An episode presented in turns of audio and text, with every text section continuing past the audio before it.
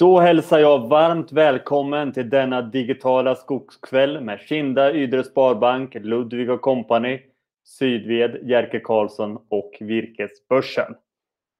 Mitt namn är Carl-Johan Moberg och jag är en del av teamet på Virkesbörsen. Och som en del av er kanske vet så är jag uppvuxen och har min skogliga bakgrund i Kisa. Där jag en gång började på Bivax plantskola i Harry strax utanför Kisa samhälle. Så det är extra roligt för mig idag att göra detta lokala, en lokal digital skogskväll med fokus på Kinda och Ydrebygden. Till vardags så är jag med och driver Virkesbörsen där jag har förmånen att hålla en hel del sådana här digitala event. Men samtidigt så har jag dagligen kontakt med virkesköpare, skogsägare och skogsbolag runt om i hela Sverige och få jobba där jag brinner för, nämligen skog. Jag ser även till att sprida kunskap om skog och skogsbruk och det gör vi genom olika Youtube-kanaler som vi har. Skogskompis, där jag pratar mycket skogliga frågor, men även Virkesstudion som vi pratar mycket skogsmarknad och skogspriser. Virkesbörsen är en digital marknadsplats där du som markägare enkelt kan lägga ut dina volymer som du ska sälja för att på ett smidigt sätt nå alla potentiella köpare som finns där ute på marknaden.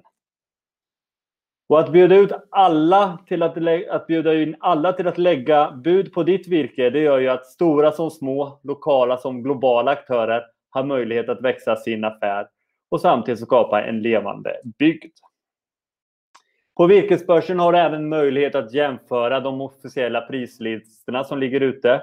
Vi har byggt ett så kallad price runner för just virkespriser. Detta gör vi för att du ska kunna göra bra affärer på din skog. Ikväll så är det jag som kommer agera lite moderator under denna kväll och dela ut ordet till våra experter som kommer medverka här. Ni som åhörare har möjlighet att eh, ställa frågor direkt i den eh, chattfunktion som finns i Youtube, i Youtube som ni kan göra. Alternativt mejla in till info.virkesbörsen.se. Vi hoppas att vi har tid i slutet av eh, programmet att eh, ställa frågorna till respektive expert. Är det så att vi inte hinner med det så lovar vi att någon av oss återkopplar inom ett par dagar. Med det så är det hög tid att lämna över ord och bild till Johan Widerström som är VD på Kinda Ydre Sparbank. Så eh, varsågod Johan! Tack Carl-Johan! Ja, fantastiskt roligt att vi kan göra den här kvällen tillsammans och det här upplägget. Att vi, Kinda Ydre Sparbank, tillsammans med er på Virkesbörsen, Ludvig och Company och Sydved får den här fantastiska möjligheten att prova att jobba på ett nytt sätt. Jag är alltså Johan Widerström, VD på Kinda Ydre Sparbank sedan nio år tillbaka i tiden. Och jag vill kort berätta lite om eh, banken och vad vi står för. Eh, och vi tar nästa bild. Eh, och eh, ja, Kinda Ydre Sparbank, vi är ju en, eh, en sparbank. Det är en alldeles egen associationsform. Så det är så att banken äger sig själv och finns till för våra kunder och för bygden. Tar vi nästa bild. Kinda Sparbank, vi har funnits länge, vi har funnits i 150 år och varit en vitamininjektion för vår region här. Eh, och vår vision, det är att skapa trygghet och förverkliga drömmar för alla. Och det tycker jag vi lyckas med väldigt bra. Eh, vi har ett brett utbud utav eh, digitala lösningar och moderna banktjänster men vi finns lokalt och med nära kontor i både Kinda och Ydre. Ja. En bank som skapar livskraft är rubriken och det är precis vad vi gör. Att banken äger sig själv gör att vi kan jobba väldigt nära våra kunder och eh, på våra kunders villkor. Jag har skrivit ner att vårt uppdrag är att genom moderna banktjänster och stort samhälls, samhällsengagemang utveckla vår region och våra kunder på ett långsiktigt lönsamt vis. Och det gör vi naturligtvis som de flesta andra banker men också med ett väldigt stort samhällsengagemang som man kan se i allt ifrån att vi är med och utbildar i skolorna till att vi håller på med stor sponsring och vi har även någonting som kallas för Idéfonden där olika föreningar och andra kan söka pengar för att genomföra projekt som är till allmännytta. Ja. Nästa bild. En bank för livet. Ja, vi är en bank för hela livet på alla de sätt och vi tänker väldigt mycket helhet. Helheten med alla delarna inom spara, låna, betala, försäkra. Allt det här finns vi. Och vi finns enkelt och nära eh, för våra kunder. Och vi har satt upp några ledord vad vi står för. Och det är närhet, enkelhet, kompetens och lokal kännedom. Och de här sakerna är väldigt viktiga igen, oavsett om man är en privatperson, en företagare eller en jord och skogperson. Och I det här fallet så är det mycket jord och skog vi pratar om så att eh, närhet, enkelhet, kompetens och lokal kännedom. De bitarna kan vi verkligen stå för. Yes, har vi nästa bild. Här är då en bank för jord och skog. Och det är ju den här målgruppen, ni som lyssnar på det här, ni som driver jord, eh, jord skog, lantbruk. Eh, det här är viktiga delar för oss som bank och det är viktiga delar för att det här är viktigt i våran region här. Tittar man på de här kommunerna, Kinda och Ydre och, och runt omkring så är ju jord och skog väldigt viktigt. Det är många som har sin utkomst därifrån oavsett om man äger skogen eller man jobbar i skogen eller man jobbar i någonting som har i nästa steg efter det. På sågverk och pappersbruk och allt vad vi har. Så det är en viktig del för vår region och det är en viktig del för banken. Och det är en viktig del för alla er som lyssnar så att Yes. Nästa bild. En bank för företaget. Ja, det är ju det att eh, oavsett vilket företag man driver, att driva skog och lantbruk är ju en typ av företag. Det finns många andra företag och i vår region är det så att man kombinerar ofta saker och är man flera i familjen kan det vara olika företag. Så att vi är en bank som finns till för alla delar av de här sakerna. Eh, och det är återigen det här med helheten. Vi vill jobba med alla delarna samtidigt. Yes, det var väldigt snabbt rabblat om vad banken står för, vad vi är för någonting.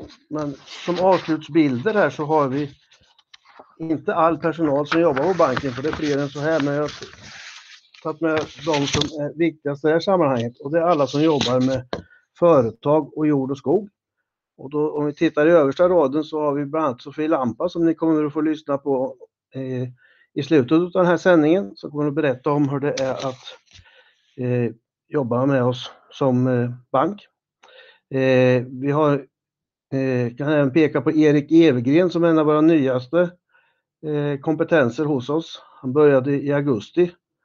Eh, och ja, hela översta raden är ju föret, eh, företag och lantbrukskompetens. Och på nedersta raden där har vi eh, försäkring och placering och så ledning, det är jag och så är det vår affärschef Sofia Sestorp. Och det här med försäkring är också viktigt för när man jobbar med jord och skog så kan man ibland se det som sin pensionsförsäkring och det kanske kan vara tillräckligt men det kan också vara väldigt bra att se över det, att spara i reda pengar också. Så lyssna med oss och prata med oss. Helhet är vårt ledord. Ja. Jag avslutar med sista bilden. Eh, det är den här fina skogsbilden vi har som jag tycker ser så härlig ut. Återigen säga vad vi står för. Vi står för närhet, enkelhet, kompetens och lokal kännedom. Det är Kinda Sparbank. Mycket välkomna. Ord och bild över till dig Karl-Johan. Tack så mycket Johan och eh, väldigt roligt att höra om den här styrkan att vara lokal förankrad och samtidigt en bred kompetens. Och som sagt var, kontaktuppgifter finns även med bild och det kommer fram senare också i, i sändningen på slutet. Nu ska vi titta bakåt i tiden. Vi har eh, bygderna i Kinda och Ydre har ju brukats sedan lång tid, både vad gäller lantbruket och skogsbruket. Nu ska vi få en historisk land, eller vandring bakåt. När det var hästen och vattenvägarna som var de viktigaste transportmedlen för skogsbruket och fram till den moderna industri som idag återfinns i bygden. Så med det lämnar jag över ord och bild till Jerker Karlsson. Varsågod! Tack för det Karl-Johan. Som Karl-Johan sa ska jag försöka berätta lite om skogens historia i de här två häraderna, eller kommunerna som idag heter eh, Kinda och Ydre. Två eh, härade kommuner som har levt i symbios i mycket och har mycket av likhet och är som syskon bredvid varandra. Eh, många människor som kommer utifrån och tänker sig Östergötland och tänker man sig Eh, gula sädesfält och, och en stambana och en Göta kanal. Men eh, vi som bor i de här trakterna vet ju lite mer hur, hur naturen ser ut. Eh, och här i, just i Kinda och Ydre så har vi fortfarande en hög andel av mjölkbönder. Även om det har skett en minskning på antal gårdar och djur, eh, mjölkproduktion på senare år. Gustav Vasa som vi lärde känna tidigt i vår skolålder, han var ju motståndare till skogen. För han ville att man skulle vinnlägga sig, säger om jorden och borthugga den onödiga skogen. Och en anledning var ju att han insåg ju behovet av mer mat och föda till den då växande befolkningen efter befolkningsminskning under tidig medeltid med, med alla pandemier som då rådde. Skogen var ju också en viktig plats för bete utav våra djur, ska vi inte förglömma. Att eh, svedja skog också, det gav ju möjlighet att utöka arealen eh, av, av grödor och, och jordmånen. Och jordmånen gav oftast mycket bättre avkastning än vad gjorde vid åker nära gården. Det här med svedjebruk, det kom efterhand att förbjudas eh, när, när skogen började få ett högre värde, som vi kommer till senare. Men också en risk med att eh, eh, svedjan eller elden kunde sprida sig och kunde bli stor fara för, för mänskligheten. Men det är intressant här i våra bygder, Kinda och Ydre, där gavs det möjlighet till fortsatt svedning när det förbjöds i övriga delar av landet. Men trots det här så fanns det fullvuxen skog i byarnas och gårdarnas utmarker. Men väldigt stora svårigheter att forsla det till sågverk och, och, och eh, förädling och export. En anledning till att svedning fick vara kvar här lite längre, det berodde på att det var ett enormt fattigt här i, i, i våra bygder. Och vi vet ju också säkert många att från de här två häraderna startade den första stora svenska emigrationen till Amerika. Och en anledning, det var ju flera, men en anledning var ju just den då rådande fattigdomen. Den här tiden då i hela Europa, trots den här emigrationen så höll man på med en industriell utveckling i mitten på 1800-talet. Och, och, och eh, av någon anledning så hade ju också de här återkommande hemska krigen avmattats något. Och det krävdes då eh, byggnadsvirke för återuppbyggnad utav bostäder och fabriker och inte minst eh, gruvdriften i England, affärshus numera. Eh, och det är intressant då att det fanns inflytelserika skeppsredarfamiljen i Göteborg Eh, som vid den här tidpunkten hade etablerat sig uppe i Värmland där man byggde sågverksanläggningar och där sjö, dåvarande dess sjösystem i Värmland och, och gav både möjlighet till kraft och inte minst för transportmöjligheter. Och eh, just dessa eh, kapitalstarka redarfamiljer med kompanjonskap med, med värmländska skogsägare så gjorde de också entré i våra trakter här då i, i slutet eller ja, efter mitten av 1800-talet. Och säkert hade de här människorna på, stor påverkan på att Kinda kanal och även då även Skeder kanal, tillägg, stod färdig i drift för exakt 150 år sedan, år 1871. Det är lite intressant också med, med Sparbankens eh, i, redovisning tidigare. Ungefär samtidigt startar ju då eh, Sparbanken här i våra trakter. 1866 om jag kommer ihåg rätt. Och tack vare då kanalens eh, tillkomst, kanske ska byta bild då, där får vi se. Eh, så eh, fanns det möjlighet att frakta frakta sågade produkter ifrån kanalens slutdestinationer, då Horn och Hycklinge. Och det var ju tio, ungefär 10 mil upp till Linköping. Har vi en bild på Hycklinge hamn. Innan den här tiden då användes skogen främst för, för byarnas egna behov av förbyggnation kolning och kärning och alla dessa milsvida längder av gärdsgårdar och inte minst vedbränsle. Eh, kolning eh, var ju i våra trakter ett sätt att förädla skogens guld. Och med många välfyllda kolryssor så kördes det till närliggande smedjor och, och mindre masugnar för järnets bearbetning. Byter vi bild. Och det berättas för mig att, att eh, vid en blästring eh, skulle genomföras vid masugnen vid Sunds bruk som ligger eh, mellan Kisa och Stumo i Ydre. Då krävdes det träkol i en mängd motsvarande nio stycken flislastbilar med släp. Det är enorma mängder alltså som gick åt.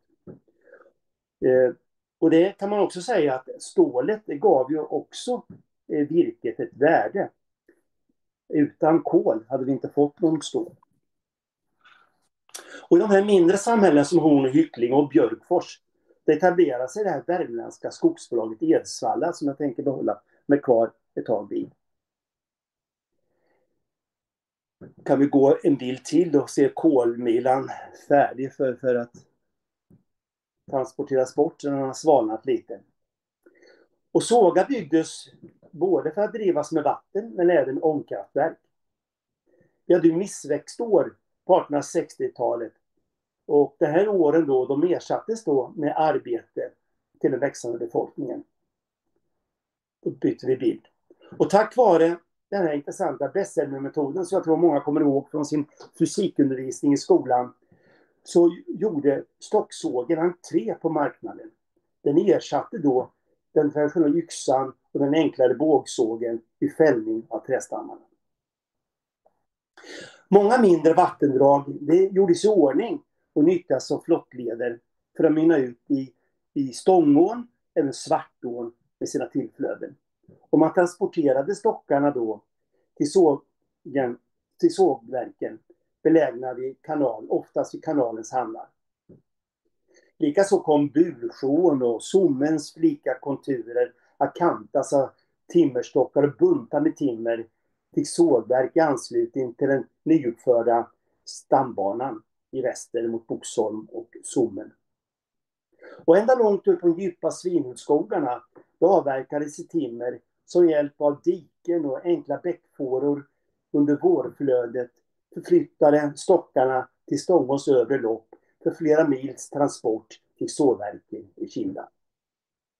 I Horn då byggdes ett ramsågverk som drevs med kraft från den tilläggande Tyresforsen i dess utlopp i sjön Åsunden.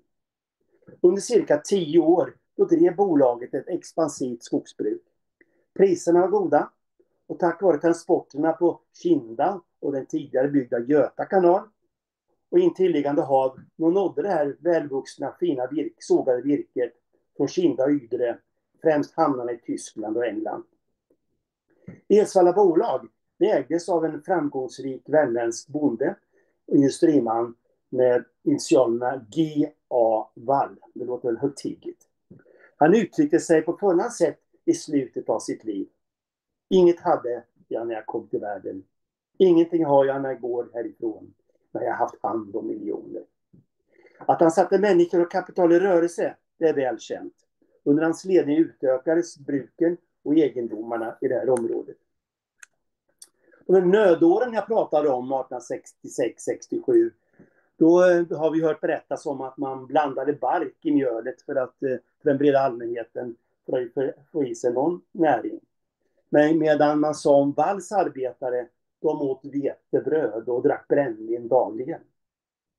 Ja, lite av synen på denna person, men han satte verkligen fart på avverkningen i våra trakter. Han lät köpa fler egendomar, däribland det stora, vackra, belägna Åvils säteri vid Horn och avverkningsrätter på flera större gårdar till försäljaren väldigt bra pris. Skogen fick ett värde. Det sägs att han hade köpte skog på ungefär 20 000 hektar mark. Han satte tidigare människor i arbete.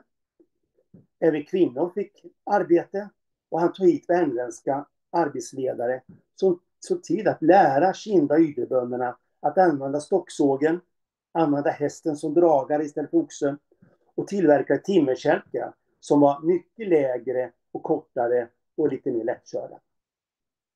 Och som jag berättade tidigare så nyttjar man de här bäckarna och mindre vattendrag till enkla flottleder för att underlätta transporterna av timmerstockarna till sågverken.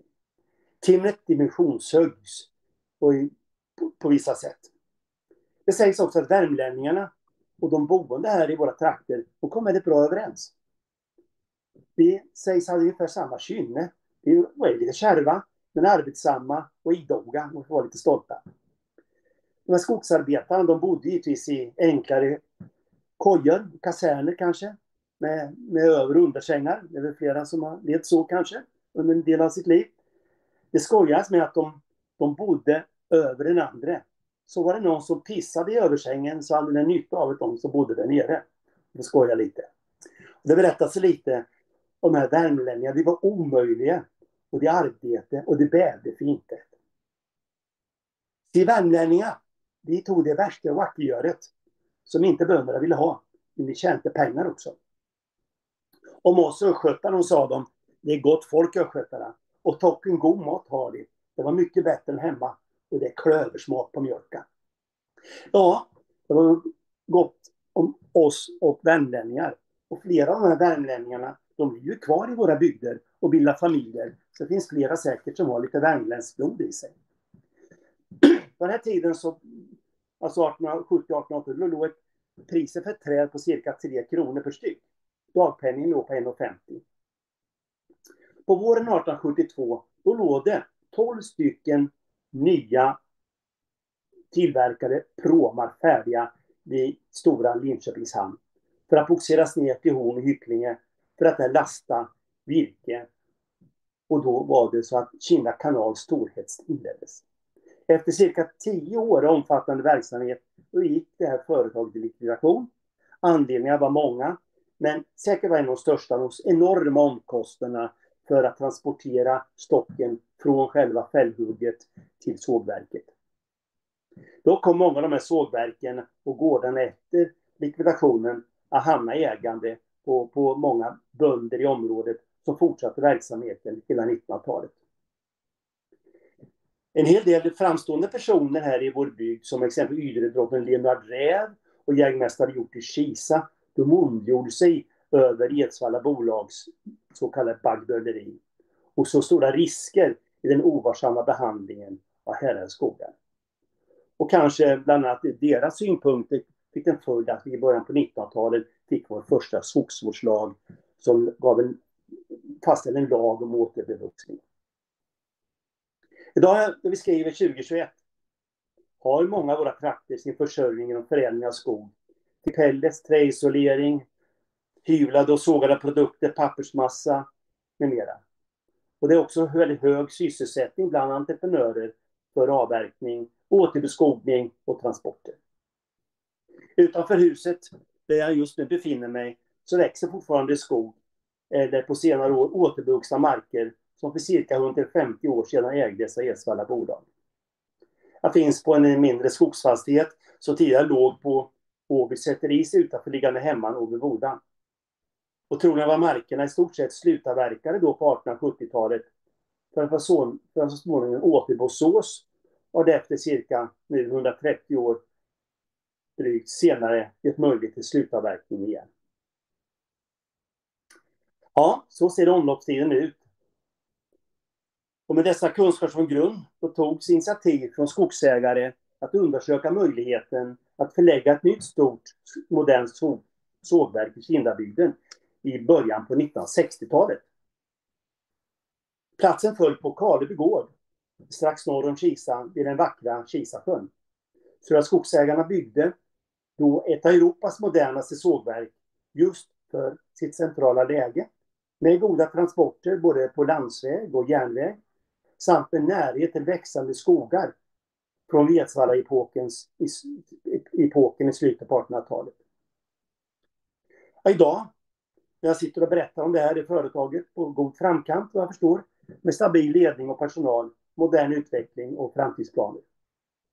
Visserligen idag finns det ju flera mycket större sågverk i södra Sverige, men eh, det verkar som att Kindasågen har en framtidstro och eh, finns på en plats där det växer skog på rimliga transportavstånd. En följd av då Kindasågens tillkomst så förändrades tillvaron för, för övriga sågverk som fanns lite överallt i våra bygder.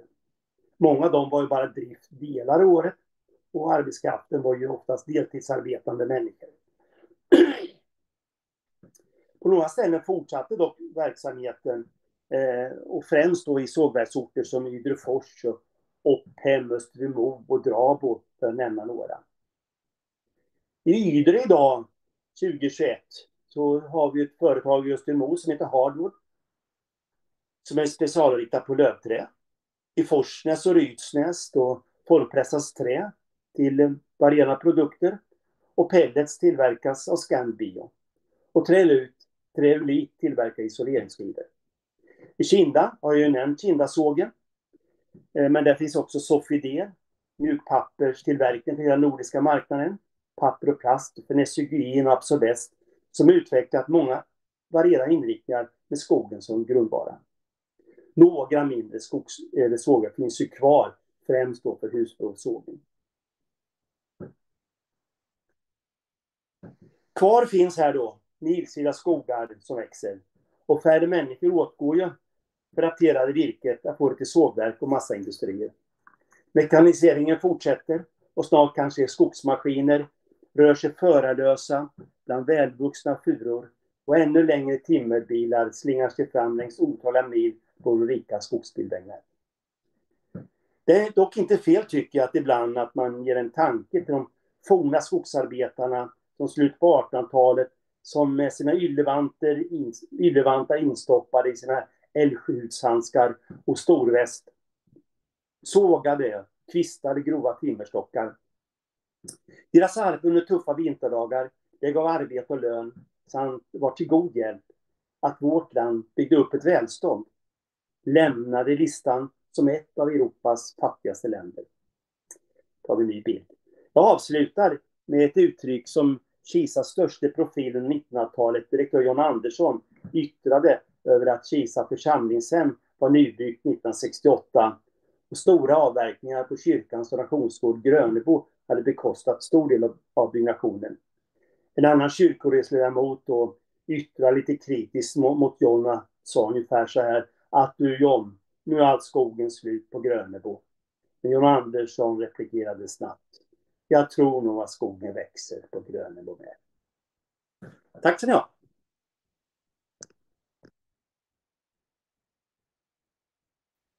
Stort tack för denna historiska tillbakablick på skogsbygden och skogsbruket i Kinda Ydre. Det är verkligen intressant hur tradition och lång, långsiktighet återspeglas i dagens skogar som är redo att avverkas. Då har vi landat lite i nutid och eh, då ska vi egentligen kolla lite på hur virkesmarknaden ser ut just nu. Både Kinda Ydre men även lite mer globalt utblick till det. Och den som ska prata om det är Per Hedberg. Han är grundare av Virkesbörsen, men han har även sina rötter i Ydre kommun och Asby socken. Så med det så lämnar jag över ljud och bild till dig Per. Tack snälla Carl-Johan och precis som du sa, jag jobbar också på Virkesbörsen. Jag heter Per Hedberg och har mina rötter, eller har spenderat alla mina barndomssomrar i alla fall utanför Asby på en skogsgård och det är från den skogsgården jag tagit den här fantastiska bilden som är en bakgrund till programmet. Då. Och den är tagen midsommarkvällen förra året, så det kan man verkligen minnas tillbaka en, en härlig tid tycker jag, på somrarna i Ydre. Jag tänkte att jag skulle prata lite grann om Ydre och jag ska prata om virkesmarknad. Och det är två ämnen som ligger mig väldigt varmt om hjärtat. Och Ydre och Kinda är ju en väldigt intressant region och jag tänker ofta att de utgör någon form av gränstrakt mellan Östergötland och Småland och det kan man uppleva nästan när man åker igenom de här trakterna. Och utifrån ett virkesmarknadsperspektiv så kan man också märka att det är en gränstrakt för skogsägare i Kind och Ydre, de har tillgång både till sågverk och massabruk i Östergötland men har också nära ner till höglandet och alla sågverk som finns och massabruk som finns söderut. Så att Det är en gynnsam trakt för skogsägare utifrån ett virkesmarknadsperspektiv. Och det vill jag visa med den här kartan där jag har rangordnat alla kommuner i Sverige utifrån hur långt transportavstånd det är till industrin och hur många köpande bolag det finns, alltså virkesköpande bolag som finns. Och då ser man att uppe i norra Sverige så är det långa transportavstånd och det är få köpare och där får vi röda kommuner. Medan i Mellansverige så har vi många köpande bolag, vi har ganska korta transportavstånd så där får vi den här lite mörkgrönare färgen. Och även nere i Skåne uppåt till viss del västerut så får vi också den här lite rödare färgen. Där det är få köpare och långa transportavstånd. Det som är intressant när vi blickar in på Ydre och Kinda-trakterna, det är ju att det är mörkgröna kommuner och Ydre är till och med lite mörkgrönare än vad Kinda är. Och det värmer mitt Ydre-hjärta. Och det betyder att det finns väldigt många företag som vill köpa virke i Ydre och i Kinda. Och transportavståndet till industri, de är ganska konkurrenskraftiga. Och totalt sett så gör ju alla de här köparna att det finns en god betalningsförmåga för det virke som produceras i de här trakterna. Och jag vill skicka med budskapet till de som har förmånen att få äga skog i de här trakterna att var rädd om era köpare för att det är summan av alla köpare som skapar konkurrensen av virket, som driver upp virkespriserna och som gör att man kan generera en god avkastning från sin skog. Så var rädd om alla era köpare och se till att alla köpare har möjlighet att få med och köpa ert virke och bjuda ut ert virke så att även det lilla nischade lokala sågverket har möjlighet att köpa virke från er skog. För det är också ett sätt att gynna den lokala näringen och man kan som skogsägare i de här trakterna också använda sin skog som ett verktyg eller som en möjlighet för att gynna det lokala näringslivet. Och att vara skogsägare det är i mångt och mycket att vara företagare. Och då kan man också gynna den struktur som finns runt omkring. Och över en längre tidsperiod så tror jag att en skogsgård blir mer attraktiv om det också finns tillgång till sjukvård, infrastruktur, kanske en livsmedelsbutik eller vad det kan vara. Men jag tror att man kan med sin skog hjälpa det lokala näringslivet. Och jag tror att i mångas magar så känns det nog bättre om man vet att det är en lokal skogsentreprenör från Norra Vi som är och kör i sin skog än om det kanske är någon annan längre ifrån. Så att man kan använda sin skog för att gynna det lokala och hitta lokal kunskap som Magnus Mattsson från Sydved som bor i trakten och kan trakten väldigt väl och de kan man också gynna med sin skog och använda sin skog därefter. Men som skogsägare, var rädd om alla era köpare och innan den här sändningen så tittade jag upp hur många köpare det fanns i Kinda och i Ydre kommun. Och i Virkesbörsens databas hittade jag att det är 25 stycken olika köpande företag som köper virke i Ydre och i Kinda. Det är nog fler än vad många känner till, för när jag frågar skogsägare hur många virkesköpare känner du till? Så är det kanske en handfull virkesköpare man känner till. Men 25 känner man inte till. Och det är därför jag vill slå ett slag för att bjuda ut ert virke till alla potentiella köpare. Så att även det lokala eksågverket i Österbymo har möjlighet att köpa virke lokalt. Och Eksågverket vill kanske inte köpa din tall, men de vill nog köpa din ek och det är logiskt. Och lika logiskt är det kanske att det stora massabruket vill köpa din massaved, men inte ditt sågtimmer och så vidare. Att gynna alla de här köparna och se till att man har så många köpare som möjligt, för det tror jag det är förutsättningen för god lönsamhet i skogsbruket på lite längre sikt. Det är att vi har så många olika köpare utav vår virke som möjligt.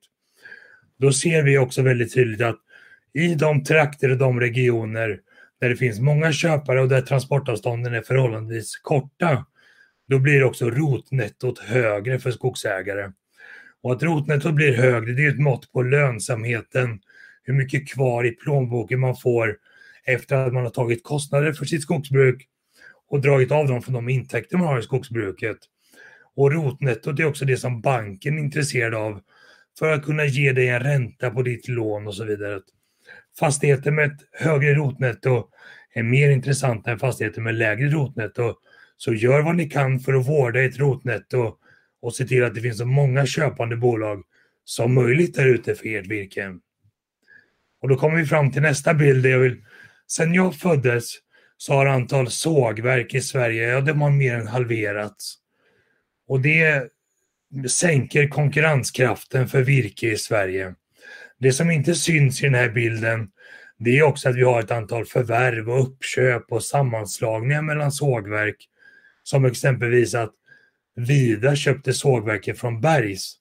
Det gör att vi får färre, färre köpande bolag av våra virkesråvara och det sänker konkurrenskraften och betalningsförmågan för att köpa det här virket. Så att vi ska verkligen vara rädda om våra köpare och vi ska försöka gynna en så bred infrastruktur och bred industristruktur som vi bara förmår. Så kanske vi kan stötta upp den här trenden och se till att vi får fler aktörer som vill göra nya produkter utav vår fantastiska skogsråvara. Nog om det. Nu tänkte jag prata lite mer kortsiktigt om, om virkesmarknaden. Och vi har ju sett en väldigt dramatisk förändring det senaste året genom pandemin där ekonomin bromsade in väldigt snabbt i början av pandemin men virkesmarknaden återhämtade sig väldigt fort.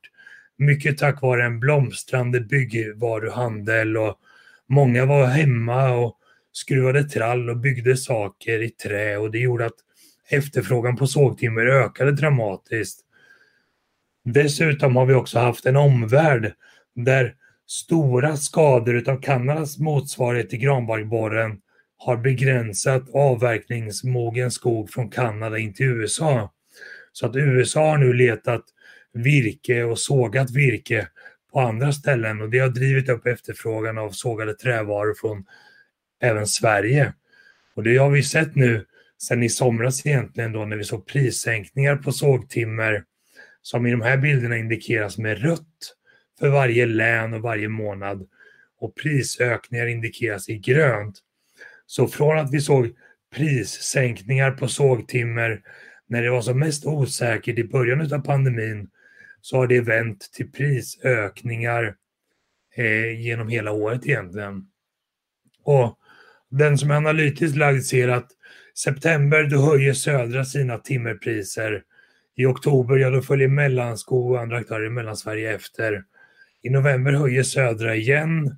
I december följer aktörer i Mellansverige efter och höjer sina priser. I januari höjer Södra återigen sina priser och här följer då några aktörer i Mellansverige med efter det. Och en slutsats från det är att vi befinner oss i en region i Kinda och Ydre där Södra är en av de prisdrivande aktörerna och väldigt duktiga aktörerna på att driva på virkespriset i en positiv riktning för skogsägarna. Om vi tar samma bild men vi tittar på istället för massaved så ser vi en helt annan utveckling där coronapandemin har drivit på digitaliseringen och drivit ner annonsintäkter för tidningar och gjort att vi läser mindre tidningar och på vissa marknader har det till och med varit omöjligt att dela ut och trycka tidningar. Det har gjort att efterfrågan på skriv och tryckpapper, där tidningspapper ingår, den har sjunkit väldigt kraftigt. Och tillsammans med höga lager från granbarkborre och andra saker så har det här gjort att priset på massaved har gått ner. Så just nu har vi en virkesmarknad som har slitits isär kan man säga mellan stigande sågtimmerpriser och sjunkande massavedspriser. Och det gör ju att som skogsägare när jag ska avverka då kan det vara lämpligt att nå ut till sågverksföretagen som just nu värdesätter sågtimmerandelen väldigt högt. Istället för att kanske bjuda ut hela mina avverkningar till ett företag som är väldigt nischade mot skriv och tryckpapper och andra produkter som inte är lika framtidssäkra. Och här tycker jag man som skogsägare kan fundera igenom vilken köpare säljer jag mitt virke till? Hur påverkas deras marknad av de här trenderna vi ser globalt? Och när är det gynnsamt för mig att avverka i min skog? Men ett litet tips som jag brukar dela med mig av just nu det är att ska man gallra sin skog just nu då gör man väldigt klokt i att bjuda ut det till sågverksaktörer.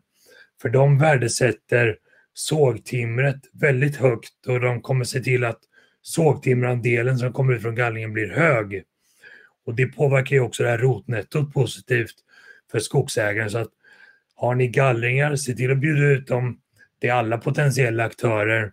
De är både massabruk och sågverk, men också renodlade sågverk.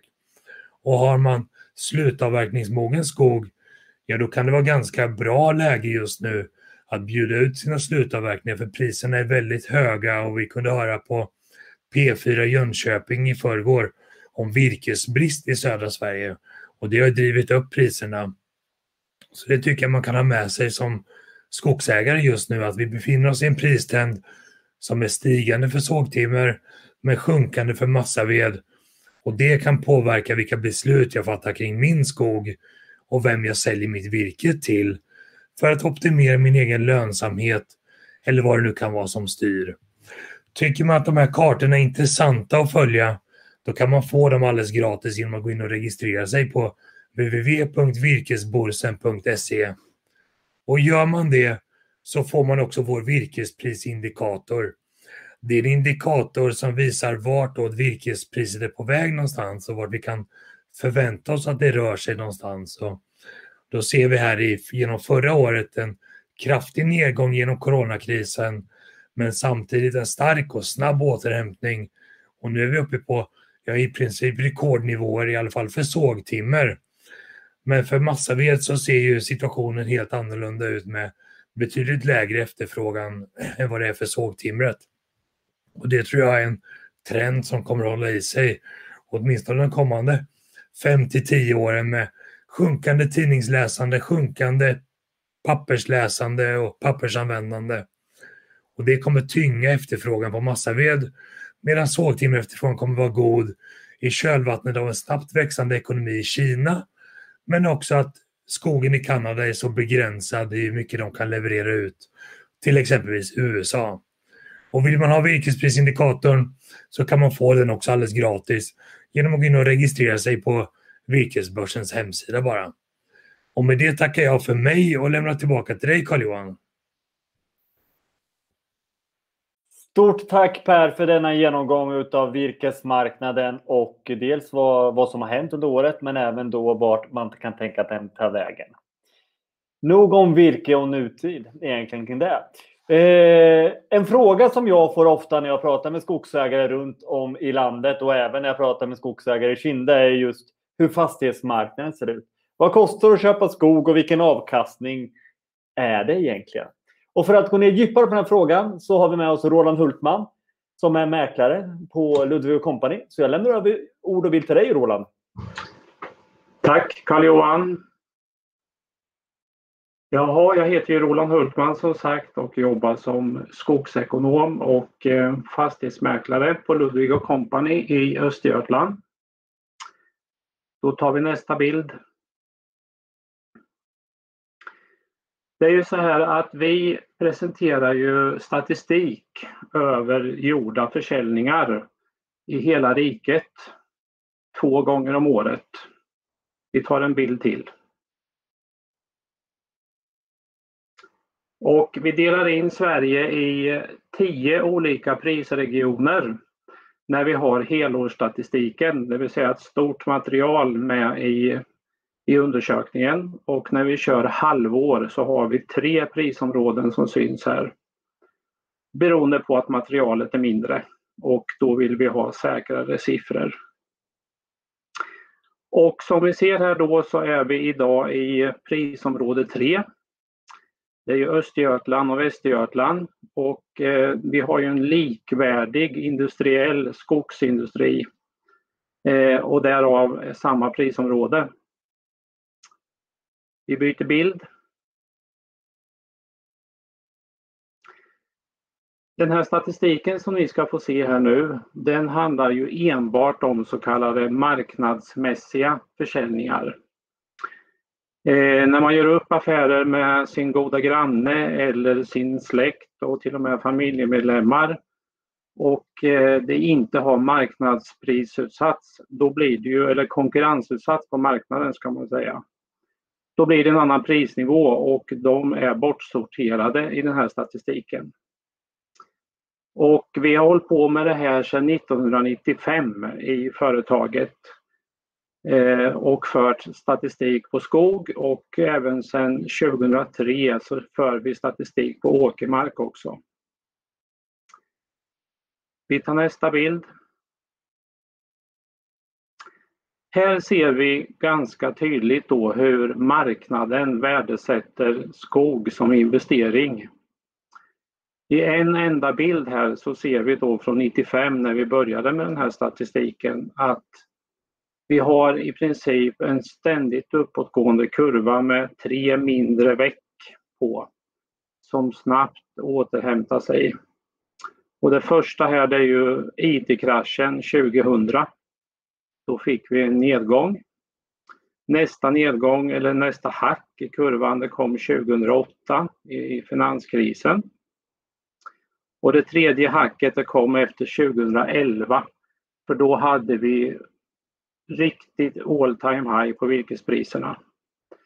Och eh, det skapade då en liten knäck i kurvan men sen återställde det sig igen och gick uppåt. Då tar vi nästa bild. Och då ser vi här om vi tittar på prisområde 3 igen här då som vi nämnde att vi befinner oss i. Så för helåret 2020 som vi lanserade här statistiken på här nu i slutet av januari så gick priset upp 4,2 procent på skogsmark. Enda området i Götaland som gick åt andra hållet är prisområde 2 det gick ner som synes på nästan 5 Och det bedömer vi hänger helt och hållet ihop med granbarkborrehärjningarna. För de är ju omfattande i det området och där har man haft det längst också. Kämpat längst med att bekämpa granbarkborren. Då tar vi nästa bild. Och här ser vi då att 70% utav alla fastighetsaffärer är köps utav sådana som har skog redan i samma kommun innan här. Och resterande 30% är första gångköpare. Och där har det legat väldigt länge och pendlat att ungefär 70% någon procent upp, någon procent ner från år till år skiljer det. Men det ligger väldigt stabilt runt den här nivån. Så det är ju svårt för förstagångsköpare att komma in på marknaden också i och med då att de som kan göra fastighetsregleringar, de har ju då en ekonomisk eh, fördel skattetekniskt. Då tar vi nästa bild. Här ser vi då någonting som vi redan vet och diskuterar en hel del i branschen och det är då att ägarbyte eller generationsskifte sker väldigt sent. Av någon anledning så håller skogsägare eh, kvar sitt ägande väldigt länge. Och här ser vi då att säljarna ligger ungefär på 70 år, 69 för att vara noga. Och köparna på 52 år. Då tar vi nästa bild.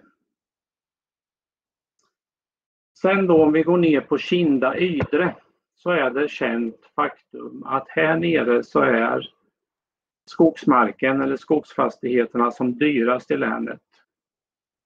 Det skiljer hela 20% på Kinda Ydres medelpriser och om vi tittar på norra delarna runt Norrköping, Finspång, Söderköpings kommuner.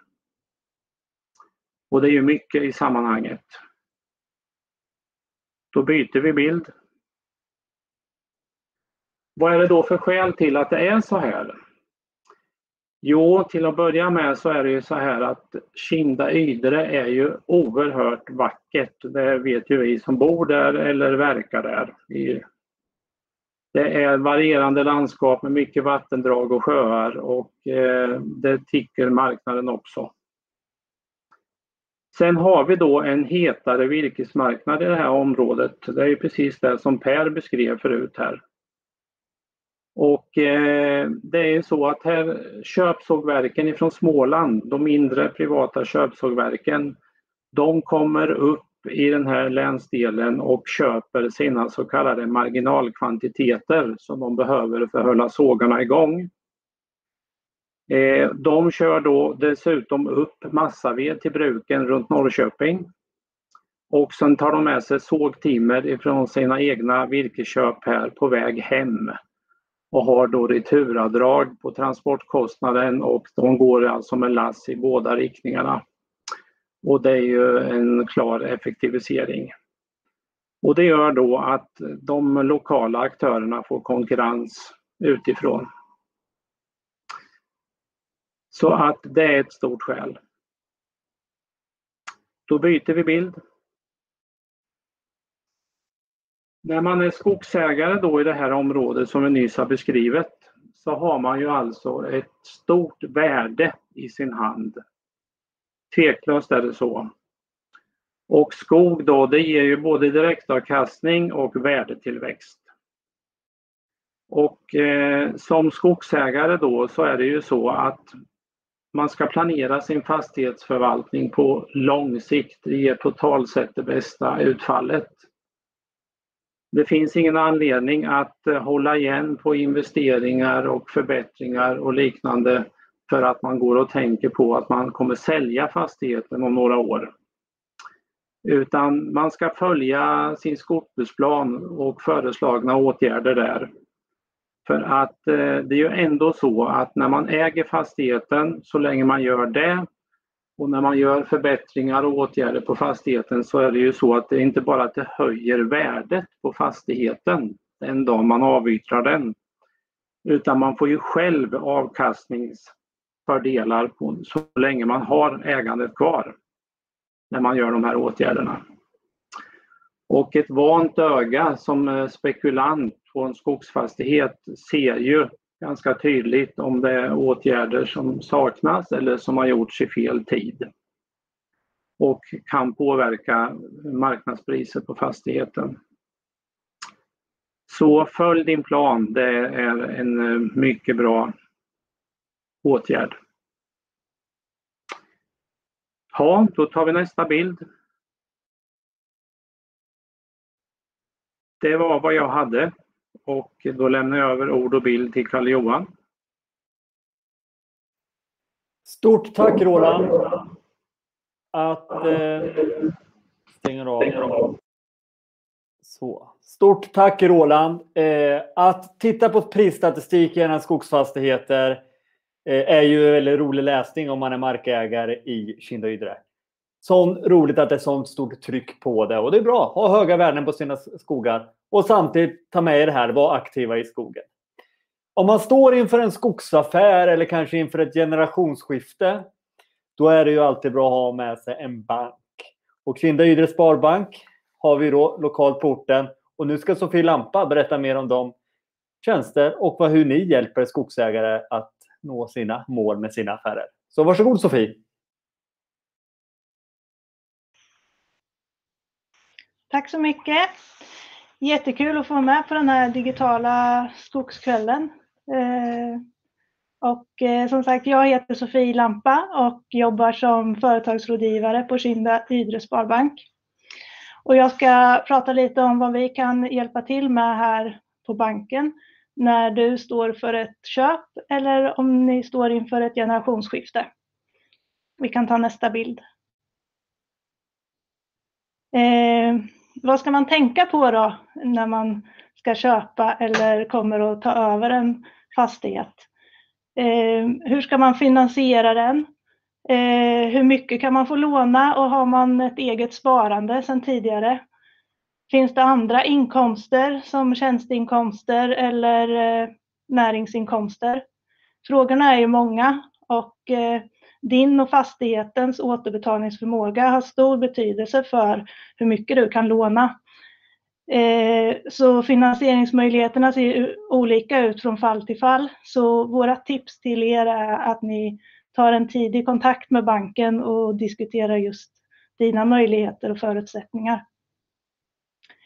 Eh, vad är då bra att tänka på när man ska träffa banken? Eh, naturligtvis, hur mycket har du tänkt att du behöver låna? Eh, om du ska köpa en fastighet så finns det ju ett prospekt. Så då kan det vara, med, vara bra att kunna ta med sig det. Eh, oavsett om du ska köpa eller kommer att ta över en fastighet så kan det vara bra att tänka igenom just eh, varför du ska äga skog. Vad, vad vill du med ditt ägande? Eh, ser du skogen som en investering eller eh, vill du förvalta den och förädla skogen? Eh, är det en plats för naturupplevelser och jakt? Det, det kan ju vara många eh, olika mål man har med sitt ägande. Eh, ett bra verktyg som du har hjälp av är att ha en skogsbruksplan och att den är uppdaterad. Eh, skogsbruks, skogsbruksplanen är bra att ha både inför köpet och eh, även under din, din löpande skogsverksamhet. Eh, den kan du också använda när du ska göra ekonomiska beräkningar, eh, kolla så du ser vilka kassaflöden du har och använda den när du ska göra en enkel budget inför ditt möte med till exempel banken, men även för din egen skull. Eh, där kan du planera dina avverkningar och eh, se hur intäkterna kommer från skogen eh, och med hjälp av den då göra din budget och komplettera med vad kostar det att driva gården? Vad, vad har du för underhåll som behöver göras? Eh, vad har du för framtida kostnader? Behöver du en buffert kanske? Eh, och eh, lite har du kommande investeringar som ska göras inom en snar framtid. Eh, tänk också igenom vad, hur återbetalningen av lånet ska, hur du tänker att det ska se ut så att man kan ha en, en dialog kring det. Eh, som sagt, eh, en, en god framförhållning är bra att ha även när det gäller det skattemässiga. Eh, för du driver ju en näringsverksamhet och ska deklarera för den. Eh, planerar du dina avverkningar så kanske man kan göra en eh, betalningsplan med virkesköparen så man fördelar skogsinkomsterna om det är större eh, avverkningar. Eh, när det är dags att göra deklarationen så är det bra att eh, ha en bra rådgivare som är duktig på skogsbeskattning. Eh, så man kan nyttja skogskonto, skogsavdrag i vissa fall, räntefördelning och med mer som finns att tillgå just vid eh, deklaration av skogsverksamhet. Eh, vi kan ta nästa bild. Eh, nu i vår när det är dags att göra deklarationer så eh, kan det ju vara aktuellt att eh, använda sig av skogskonto. Och eh, vid insättning på skogskonto så skjuter man fram sin beskattning utav den skog man har tagit ner eh, som egentligen skulle man ha deklarerat för det här året. Eh, det beskattas istället det år när man tar ut det ifrån kontot. Och eh, detta kan man ju använda för att planera. Eh, om man har kommande kostnader så kanske man vill matcha dem genom att ta ut skogskontopengarna något år senare när man har kostnaderna. Eh, och skogskontot kan man ha i upp till tio år. Sen så måste eh, skogspengarna eh, beskattas. Det finns också ett eh, liknande konto som heter skogsskadekonto. Och det kan man eh, nyttja när man har eh, fått avverkat på grund av eh, storm eller insektsangrepp eller om det har varit en brand. Eh, det krävs ett intyg som eh, vad heter det, visar att avverkningen har varit nödvändig på grund av skadan. Och eh, när det är ett skogsskadekonto så kan pengarna få stå där i upp till 20 år innan man tar ut dem för beskattning om man inte har gjort det tidigare. Vi kan ta nästa bild. Eh, här ser ni eh, vår företagsgrupp på Kinderydre Sparbank. Eh, och eh, de tjänsterna som vi bland annat eh, kan erbjuda er. Det är finansiering och placering, försäkringar, pensionsanalys, eh, Eh, e-handel och kortinlösen, fakturabelåning, inkassotjänster och elektroniska betalningstjänster och även billeasing eller avbetalningskontrakt på maskiner. Eh, och vi har ju också rådgivare som eh, jobbar med er privata bankaffär. Och ni hittar kontaktuppgifter till oss på vår hemsida kindaidresparbank.se. Men ni kan också ringa till växeln 0494 794 00 så hjälper eh, den som svarar er eh, att komma till rätt person för just er fråga. Så ni är välkomna att höra av er till oss och eh, med det lämnar jag över till Karl-Johan och tackar för en trevlig och intressant kväll.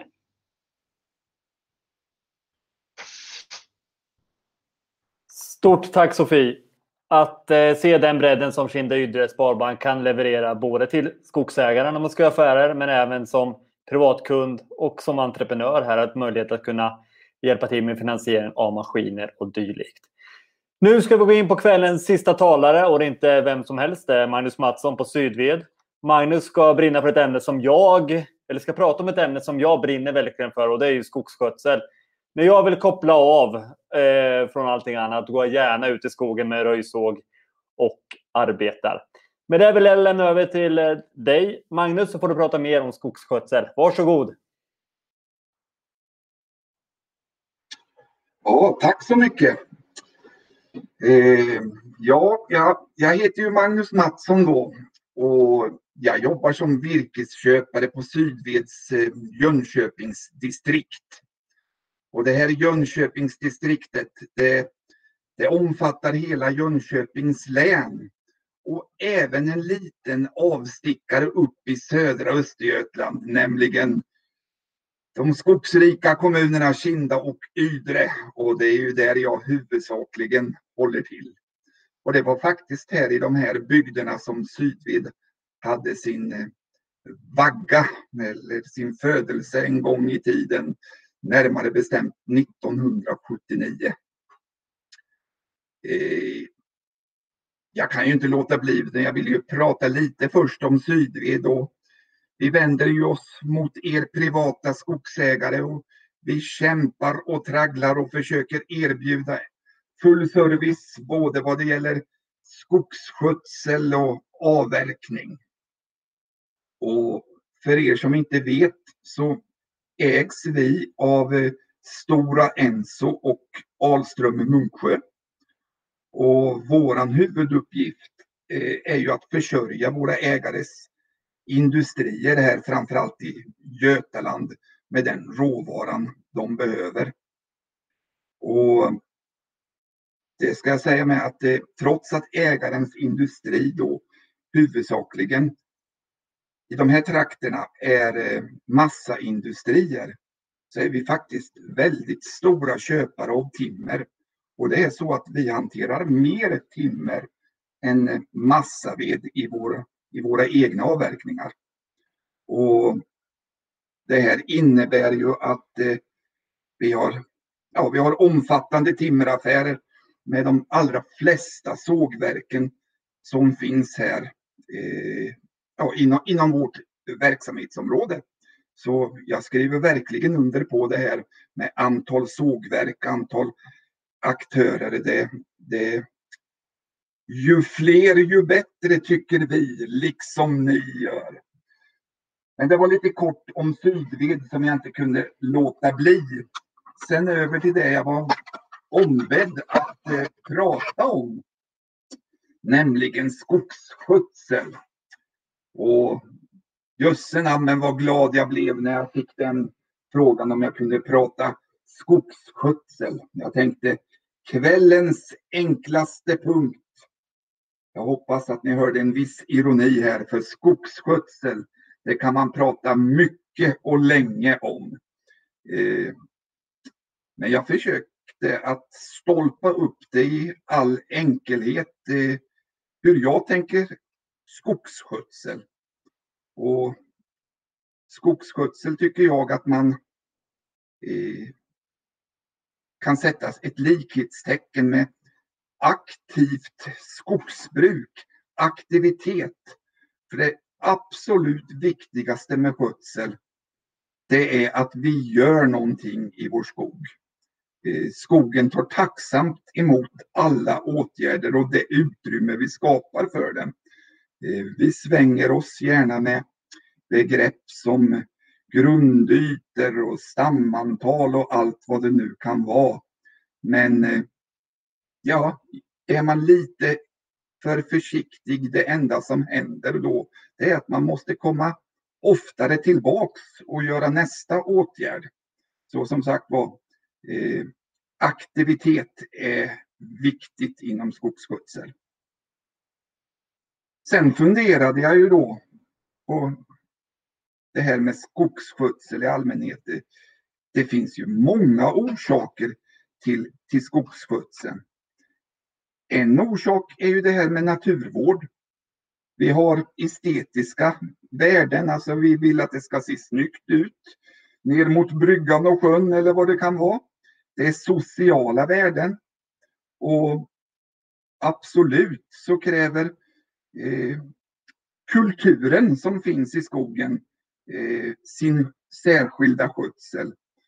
Och nu på senare år har det även blivit eh, eh, med tanke på klimatet. Eh, ja, så det, det, här kräver ju sin olika skötsel, men om jag tittar på enbart produktionsaspekten, för trots allt Eh, majoriteten av, av eh, markerna, det, det, är ju ur produktionssynpunkt. Och vad ska då den här skogsskötseln syfta till? Eh, ja, då, då, får jag ytterligare ett ord som jag tänker på. Det är, det är värdetillväxt. Alla åtgärder vi gör i vår produktionsskog, det är ju för den här värdetillväxten. För vi ska ha klart för oss att varje uttag som görs så minskar ju vi eh, den totala volymen som som skogen kan producera. Men vi ökar gagnvirkesvolymen. Så sammanfattningsvis så ökad värdetillväxt på rätt individer skrev jag som sammanfattning. Alltså vi vill, vi vill ha rätt individer ska få en ökad diametertillväxt och därmed ett ökat värde. Jag brukar dela in den här skogsskötseln i i eh, två delar. En fas, det är ju föryngringsfasen. Eh, och det är ju här vi skapar den framtida skogen. Det är, det är här vi skapar de rätta förutsättningarna. Och här hittar vi som markberedning, vi hittar plantering, sådd, självföryngring eller vad det nu kan vara. Eh, en skötselmetod som har blivit eh, som har kommit de senare åren, det är ju viltbehandlingen. Om jag går tillbaka och funderar på markberedning så tycker jag faktiskt att man ska utgå ifrån att vi ska göra markberedning. Sen får vi göra undantag därifrån för det finns absolut marker som det, att, där det inte lämpar sig alls. Det finns marker som till och med är förbjudna att markbereda. Sen om vi går till planteringen. Eh, då är det ju oerhört viktigt att vi får rätt träslag på rätt plats. Eh, jag tänker och slår ett slag för att tall på tallmark och gran på granmark, om vi förenklar det här. Eh, det har under de senare, ja jag kan väl inte säga, låt oss säga 15-20 år så har, det, har vi planterat allt för mycket gran och det har vi ju sett resultat av nu Eh, efter torkåren, framförallt då 2018. Så tall på tallmark, gran på granmark och kanske lite blandning däremellan. Nästa steg, ja det här, den här föryngringsfasen, den kan vi säga att den, den, den är fram till brösthöjdsålder och den här, eh, brösthöjdsnivå och den är 1,3 meter. När skogen har kommit över brösthöjd, eh, då är man ur föryngringsfasen. Då kommer vi till nästa steg som jag ser. Eh, och då kallar jag det för skogsvårdsfasen. Det är här vi kommer fram och nu börjar vi röja och vi gallrar skogen. Eh, och det är ju först här som vi riktigt börjar titta på individnivå. Här börjar vi välja och gynna eh, särskilt lämpade individer.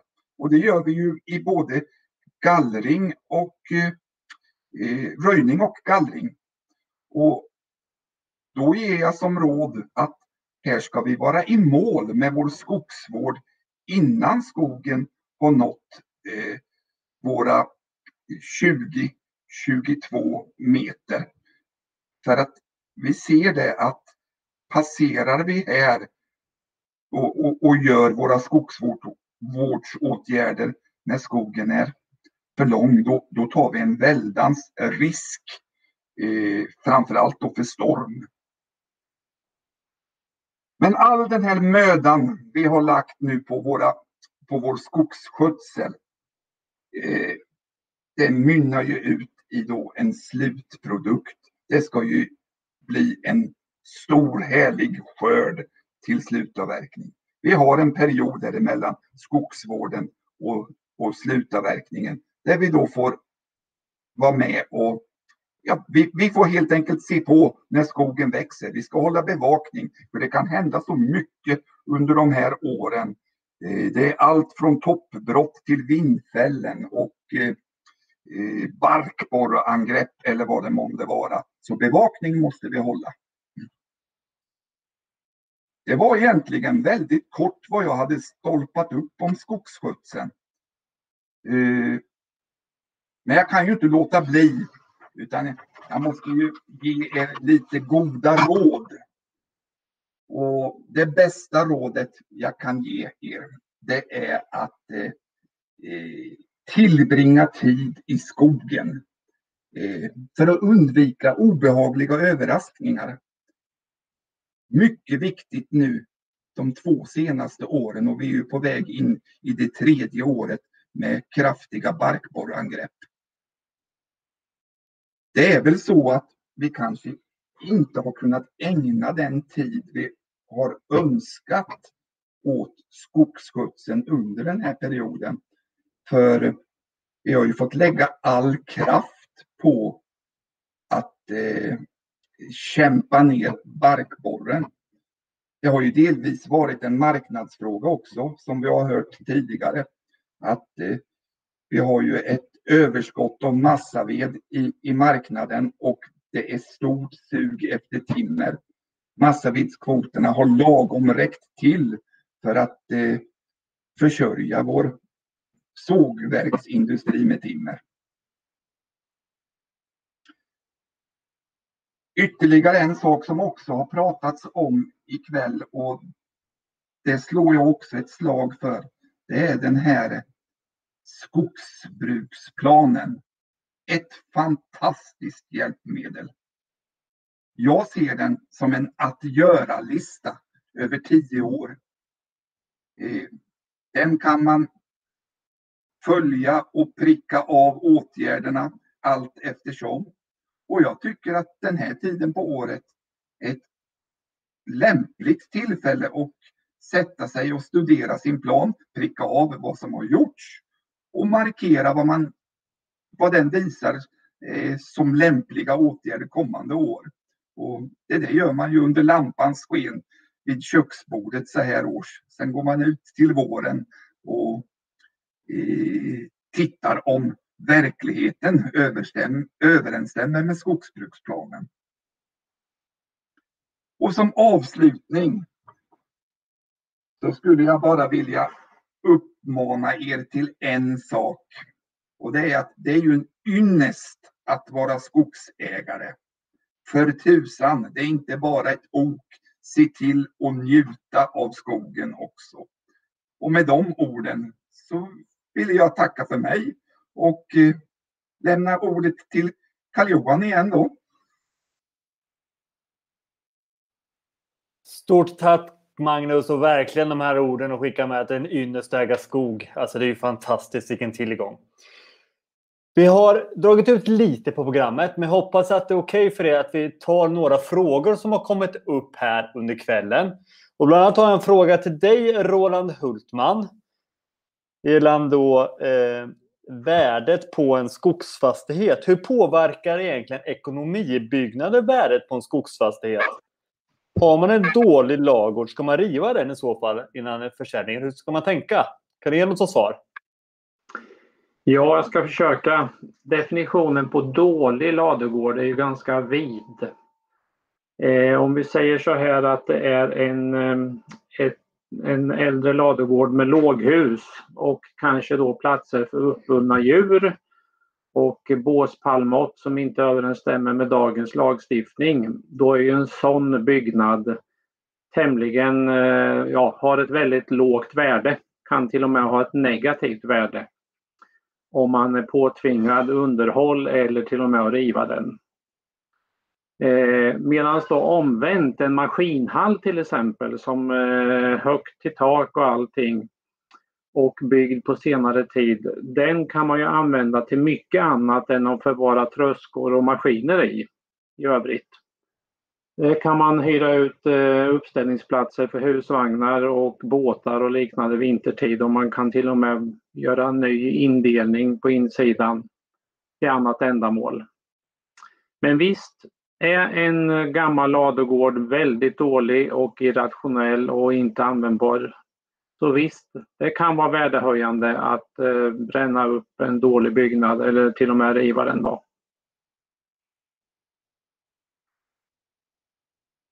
Tack så mycket Roland där. Då om inte annat så ska man ju alltid rådfråga mäklare innan man ska göra något sånt här också. Sofie Eh, på Kinderyd Sparbank, där kom in en fråga där. Trots att jag inte är boende eh, i kommunerna så eh, är man ju då kanske... Johan går man in och tar en fråga, jättebra. Trots att man inte är boende i kommunen, har man då möjligheter att då kunna ha, vara kund hos er och, och de bitarna? Ja, det är, självklart så kan man vara kund hos oss oavsett vart de bor. Men samtidigt så vill vi titta på helheten så att det är inga styckaffärer vi är ute efter utan vi vill ha kunderna som helkunder. Så att prata med oss ska vi se om vi kan hitta bra lösningar. Det är svaret. Tack för det. Jättebra. En eh, fråga till Magnus också på Sydved. Efter bland annat stormen Gudrun och Per så planterades ju en hel del eh, arealer med lärk och även en hel del hybridasp. Finns det någon efterfrågan på de här eh, lite udda sortimenten än så länge?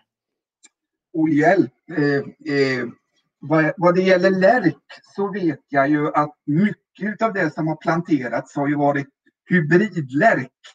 Eh, här är ju, man kan väl säga så här att hittills dags så eh, har det ju inte funnits så, så stort utbud av lärk så att någon större industriell verksamhet finns ju inte. Men det finns ju ganska många mindre sågverk som håller på och såga lärk. Men det jag vet det är att de inte är riktigt så intresserade av hybridlärken på grund av att den utvecklar inte så mycket eh, kärnved. Och det är det man är, är ute efter. Det är där de bra egenskaperna finns. Eh, sen massaindustrin eh, eller sågverken, eh, de, de vill ju då ha sibirisk lärk. Eh, det, det, går bra. Och massaindustrin, ja de är väl också sisådär intresserade egentligen. Jag vet att man, man eh, eh tar emot det och man räknar det som ett barrsortiment. Men den här lärken, den, den drygar man ut lite med. Eh, eh, så om det blir större flöden av lärk så då vet i tusan om inte vi kommer att se att man behandlar det här som ett särskilt sekundassortiment i massaindustrin. Sen frågade du om hybridaspen med. Uh, som, som tändsticksvirke vet jag att eh, eh där går hybrid, eh, det gör man ingen skillnad på vanlig asp och hybridasp längre. Det gjorde man förr. Eh, och vad det gäller massavedssidan så där tål man en viss inblandning av eh, asp i, i, i, i björken. Eh, det är väl så att för min del så ja, då ligger, då ligger kanske Kinda, Ydre lite långt från eh, massabruken utan i och med att det är en viss andel man kan ta asp så så den fångar man alltså utanför husknuten på massabruken. Ungefär så. Var det svar nog tror du? Nej, men det tror jag. Tack så jättemycket Magnus eh, för det. Och jag tror ju precis som du liksom att när det kommer ut eh, större volym någonting, då kommer man anpassa den produktionen man har. Vi hinner inte med mer frågor idag, för klockan har, vi har dragit över lite. Det är viktigt att avsluta tid. Eh, de frågorna som kommit in kommer vi se till att eh, vi delar ut av någon av experterna som har föreläst idag, så kommer vi återkoppla till er innan, eh, alltså snart som möjligt. Med det här så vill jag tacka er alla som har suttit och tittat här idag. Jag kollade lite snabbt och det var upp mot 125 stycken som tittade. Det är helt fantastiskt. Har man missat den här kvällen idag eller att ni vill tipsa någon kompis syskon, mamma, pappa eller något sånt där. Så kommer ni efter sändningen få ett mejl med en länk till Youtube där man kommer se det här efteråt. Så är det bara att titta vidare på det. Man kanske vill återse någon del av kvällens presentation. Och som sagt var, ett stort tack till Kinda Sparbank, Ludvig Company Sydved och Jerker att ni ställde upp. Vill ni komma i kontakt med någon av de här så har ni mejladresserna bild just nu. Och har ni någon fråga gällande skogshistoria så kan ni dra den till oss på virkesbörsen också så kan vi se till att Jerker kan ta del och svara på den. Så än en gång, stort tack för ikväll. Och hörrni, ni, gå ut i skogen, njut i att ha möjlighet att äga och bruka skog och vara aktiva. Stort tack för idag. Hej då!